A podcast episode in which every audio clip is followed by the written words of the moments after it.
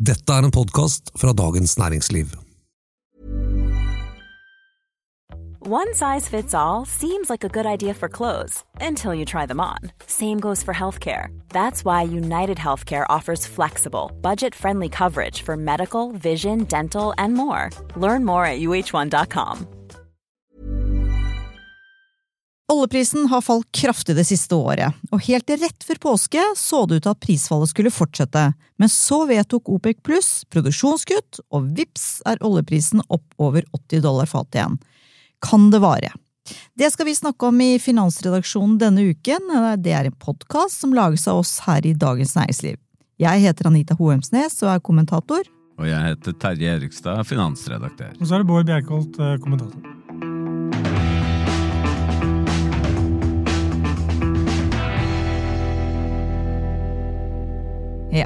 Altså, først eh, må vi jo egentlig si at vi hadde jo egentlig en podkastepisode om oljeprisen liggende klar til publisering onsdag i påsken.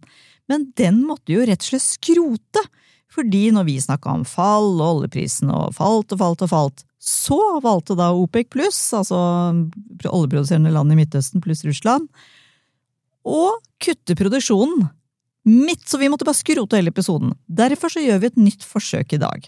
Men først, Terje, det var jo du i utgangspunktet som ville ivra etter å snakke om oljeprisen i, i påskeepisoden. Hvorfor gjorde du det? Ja, nei, Det er dårlig gjort av OPEC pluss og Saudi-Arabia og Russland å ødelegge for oss Ja. på den måten.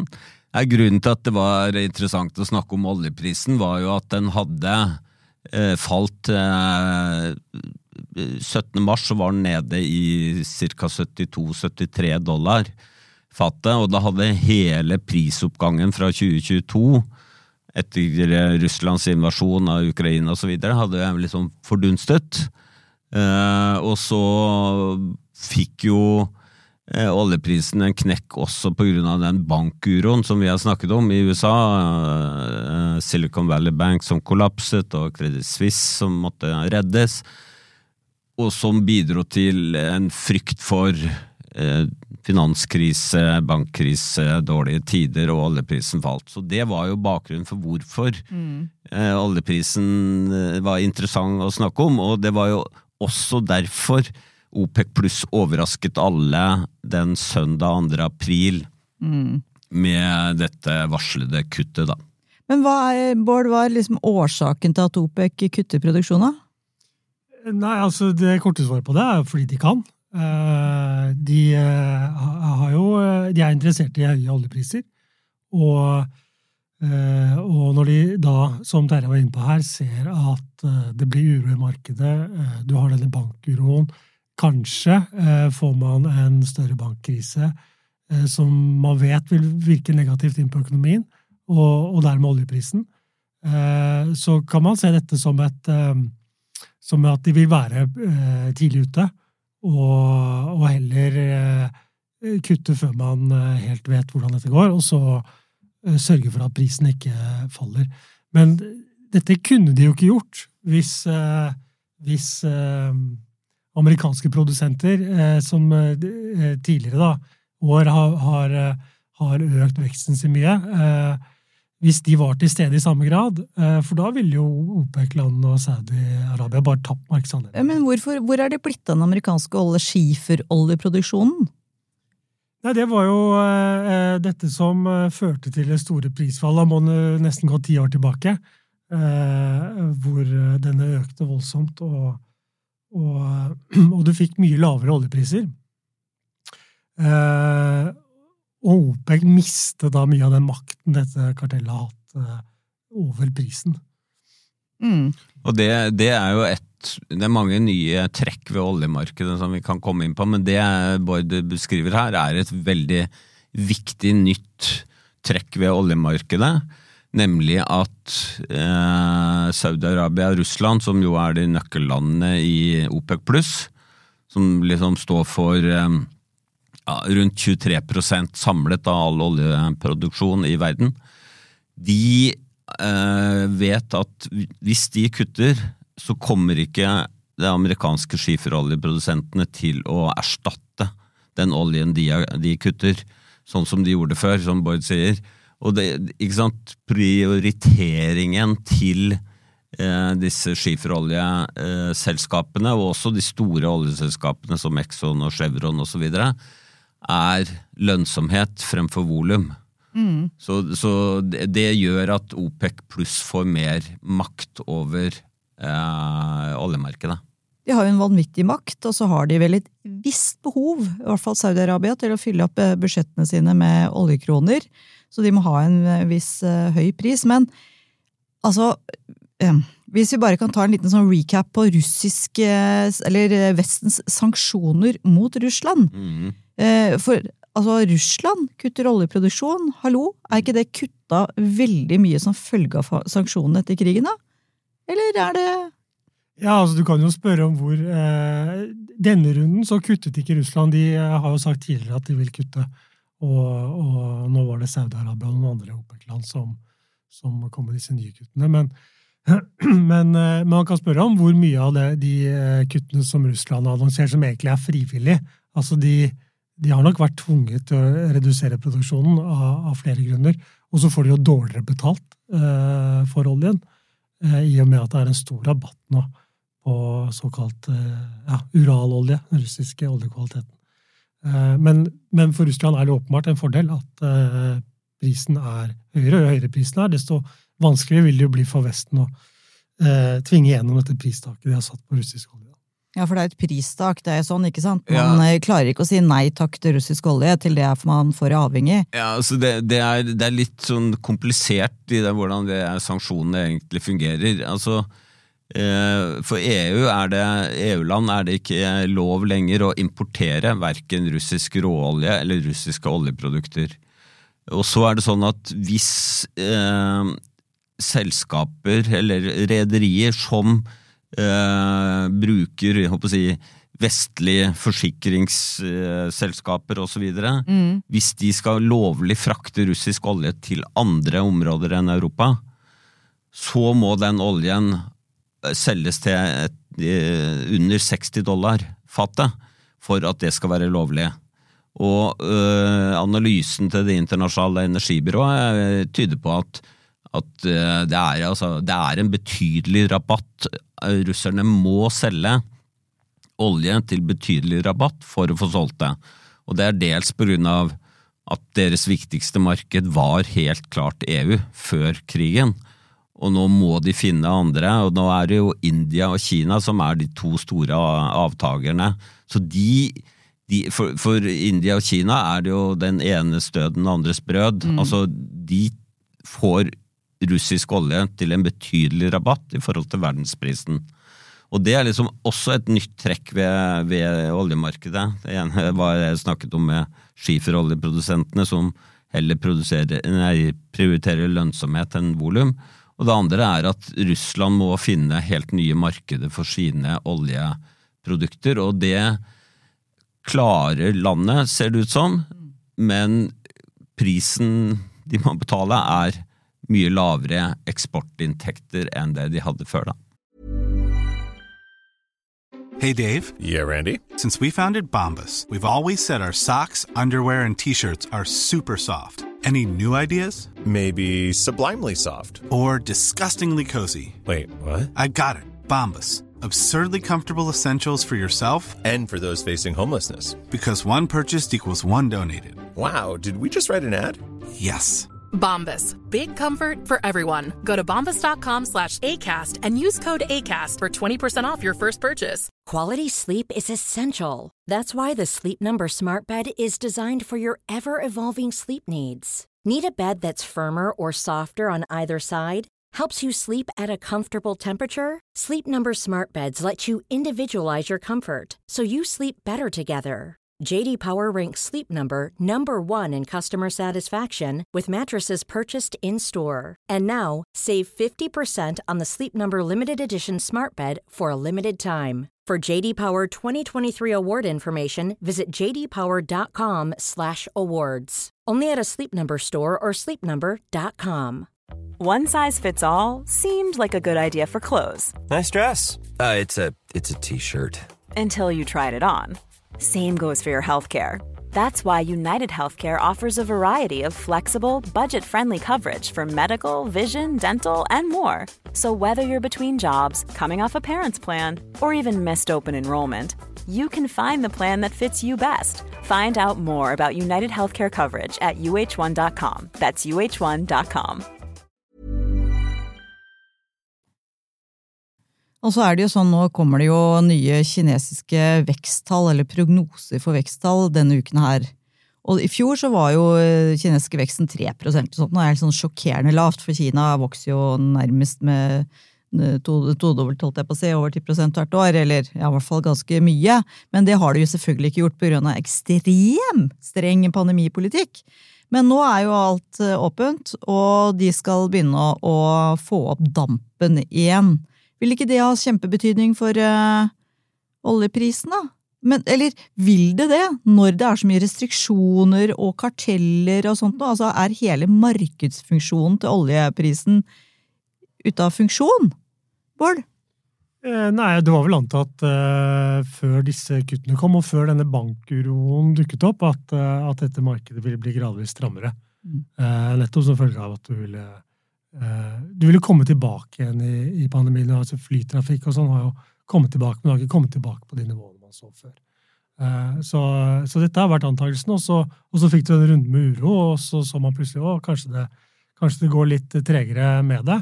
Men jeg syns nå vi har fått et svar på at eh, vel, hvis etterspørselen svekkes, så vil OPEC være der mm. og sørge for at denne prisen ikke faller noe særlig. Så så noe sånn veldig billig olje syns jeg det er vanskelig å se for meg. Ja, Det er jo det store spørsmålet nå. Det er, det er faktisk en veldig interessant eh, liksom spenning mellom hva markedet tror om oljeprisen, og hva analytikerne tror om oljeprisen. Mm. Fordi man kan, man kan, altså Fremtidig oljepris Man kan i hvert fall ha to gode, eh, potensielt gode kilder til det. Det ene er eh, hvilken pris olje selges for i dag, for levering frem i tid, det såkalte fremtidsmarkedet. Man kan kjøpe eller selge olje i dag som eh, først skal leveres til å si desember da, i år. Og så kan du se på hva eh, er prognosene fra de ekspertene som sitter rundt omkring og analyserer oljemarkedet. Og jeg skal ikke påstå at det er eh, historisk stor differanse, men for meg var det overraskende stor differanse. Hvis vi ser frem over i tid, så eh, er analytikerne tro på en langt høyere oljepris enn det du kan kjøpe eller selge den for i markedet. Og hvis vi går omtrent ja, langt ut i 2024, så er forskjellen 20 dollar fatet. Hva er det de begrunner det med, da? Rysta altså, Energi og gjengen? Altså, det, det Markedet kan jo ikke svare. De bare, har jo bare en pris. Analytikerne kan resonnere. Ja, ja. Og logikken til analytikerne er, som Boyd sier, at eh, det er ventet økt etterspørsel, som du drar opp da fra Kina, pluss at flytrafikken skal ta seg mm. kraftig opp. Så det er de to faktorene som det særlig det internasjonale energibyrået har liksom lagt til grunn i sine prognoser at på slutten av dette året så vil etterspørselen være etter olje være rekordhøy, og når da produksjonen da er eh, redusert, så vil markedet bli veldig stramt. Og da er det jo analytikere som tror på 100 dollar fatet mot eh, noen og 80 nå, da. Mens markedet er mye mer nede på rundt 80, kanskje ned på 70 dollar òg. Så, så det, er, det, er, en kjempestor spredning mellom mm. ekspertene og markedet. Hva skjer i Norge da, da, med Oslo Børs og lille Norge som er så oljesensitivt? Eh, ja, Oslo Børs er jo påvirket av oljeprisen, men eh, den er jo mer påvirket av andre ting. Eh, så, så eh, Og det er mye viktigere, eh, har vi jo sett også historisk, hvordan det går med aksjemarkedet andre steder enn en, eh, enn hvordan det går med oljeprisen. Men for norsk økonomi så er det jo samlet så er det jo selvfølgelig ikke dumt med, med, med høye priser. Vi tjener jo penger som rakkeren med på den oljeprisen, men uh, man kan jo tenke seg hvordan det slår ut da, i fattige land som fra før nå har en ekstremt sterk inflasjon og høye kostnader, Mm. og at det da skal til strammes til på oljeprisen. Det er jo eh, Det er ikke det, ja. Nei, altså jeg tror dette oljepriskuttet her var dårlig nytt, ikke bare for de fattige land, men for politikere og sentralbanker verden over. For det er jo eh, først og fremst energi og så matvarepriser, som igjen begge deler har vært drevet av Russlands krig mot Ukraina, som, som på en måte har blåst opp eh, prisveksten eh, globalt. Eh, og eh, det viser seg at den inflasjonen er, eh, er krevende å få ned igjen når den første og selv, selv om oljepris og energiprisen har gått ned igjen, eh, så sprer det til den prisøkningen seg til andre deler av økonomien. Og eh, alle, alle trodde vel at liksom nå var det verste over med oljeprisen, men hvis OPEC pluss fortsetter på samme måte og strupe etterspørselen for å holde prisen oppe, så er det ikke bra for inflasjonsutsiktene, eller hva tenker du, Bard? Nei, eh, nei, det er ikke det. Det er lettere, eh, det er lettere oppgave for sentralbanken å få, å få inflasjonen ned hvis, hvis denne energikrisen hadde roet seg helt. Mm. Eh, Samtidig så, eh, så ser de jo litt gjennom også disse energiprisene. Eh, De er ikke mest opptatt av, av eh, inflasjon, inkludert eh, eh, energipriser. De fleste sentralbanker sorterer ut eh, sånne priser og styrer med etter det man kaller sånn kjerneinflasjon. Forskjellige mål på det. Og da er gjerne energipriser eh, tatt ut. Men vil ikke likevel ikke sant, en høye energipriser hvis man tenker at det smitter over på høye innsatsfaktorer da, i alle bedriftene og, og i transport osv., og, så videre, og som gjør at de igjen må sette opp prisene på sine varer, så vil vel eh, inflasjonen allikevel liksom ha et element av energiprisen i seg? Jo da, og det har man jo sett at, uh, at eh, det har smittet over. Det, startet, si, det startet ikke bare med oppgangen i oljeprisen, det startet også med ganske eh, stramme arbeidsmarkeder og mangel på eh, altså litt sånn eh, eh, tette eh, verdikjeder, hva vi kan kalle det. Eh, det var vanskelig å få tak i varer under og pandemien, og det ble verre da, da mange land åpnet opp samtidig. Men det er klart at når du har en sånn ekstrem oppgang i energiprisene som du hadde, spesielt i, i, i Europa, så, så gjør jo ikke det Eller så smitter det over på andre varer. Ja, det så vi. Vi kom jo inflasjonstall fra, for mars fra SSB i dag i Norge, og da var det økt til 6,5 Mm. Så det var eh, Oppgangen fra 6,2 var det vel, i tolvmånedersveksten, var jo igjen Det var strømprisene. mm. Og strømprisene henger igjen sammen med gassprisene. Og gass og olje er jo, eh, jeg håper å si, priser som er styrt på i det globale markedet, så det, det sniker seg liksom inn i vår egen økonomi mm. via utlandet og via det globale markedet. Eh, Men vi vet jo, jeg har bare lyst til å si at vi vet jo ikke eh, hvor stramt dette oljemarkedet faktisk blir, fordi man annonserer kutt, men hva blir det i praksis? Altså Det annonserte kuttene var eh, Det nye var ca. 1,1 millioner fat per dag. Det er ca. 1% av eh, daglig oljeproduksjon i verden. Ehm, og så hadde Russland allerede annonsert et kutt på en eh, 500, 500 000, så da snakker vi om 1,6 millioner som på en måte er annonsert som kutt. Men så har jeg sett analytikere, de, det er, varierer anslagene at reelt sett vil kuttene kanskje bli 1,3 millioner, eller noen sier bare 700 000. Så vi vet ennå ikke. Dette er, dette er jo eh, annonsert fra og med de nye kuttene fra og med mai. Eh, sånn at eh, det, det er stor usikkerhet rundt om hva, hva som faktisk kommer til å skje når det gjelder produksjonen.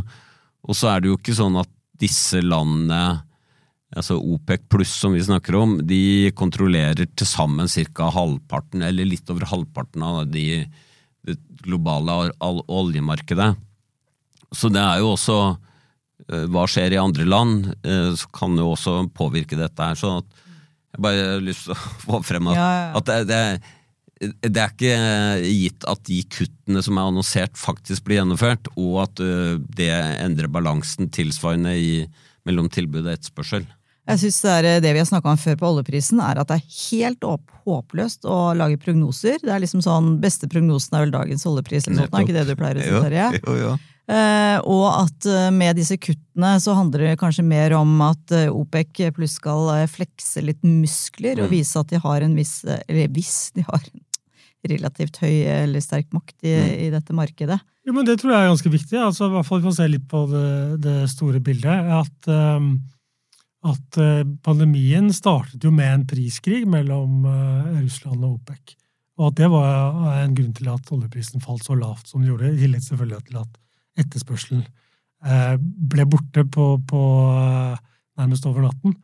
Eh, Men, men eh, så så man da eh, senere at de fant sammen igjen og, og kuttet produksjonen. Og, og dette kuttet vi så nå nylig, vitner jo om at vi er tilbake i en verden der OPEC har mer makt, og er, også er villig til å, til å bruke den. De er ikke så redde for, at, for å miste markedsandel, fordi disse amerikanske produsentene viser i hvert fall inntil nå at de, de er lite interessert i å øke produksjonen. De er mest opptatt av å, å få et eh, eh, størst mulig overskudd og lønnsom produksjon. Men det er jo en balansegang for eh, disse OPEC pluss-landene, er jo at på den ene siden så er de avhengig av å holde oljeprisen, kanskje, kanskje har de et slags gulv rundt 80 dollar da.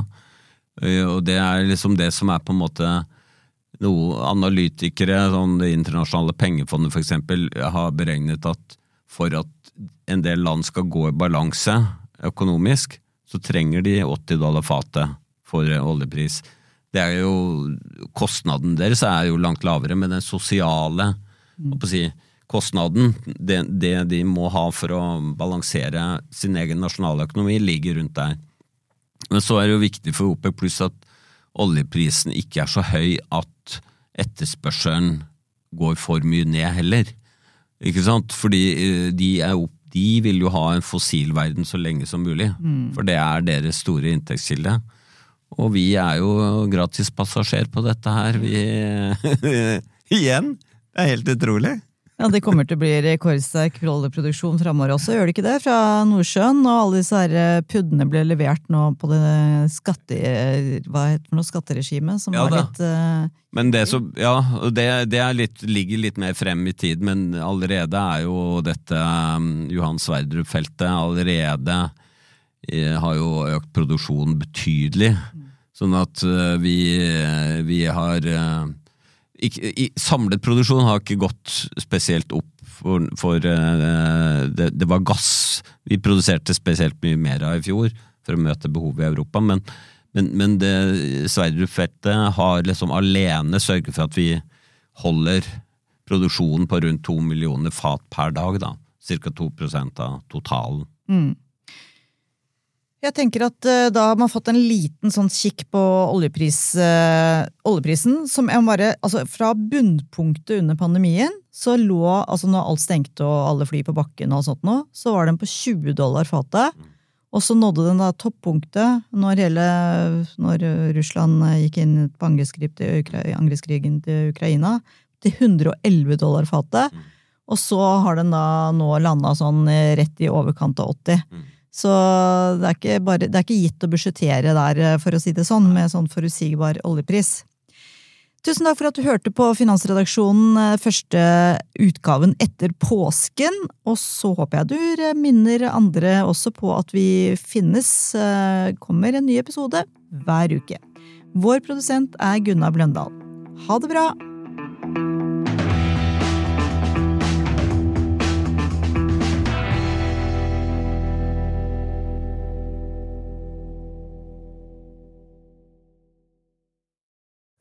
Du har nå hørt en podkast fra Dagens Næringsliv.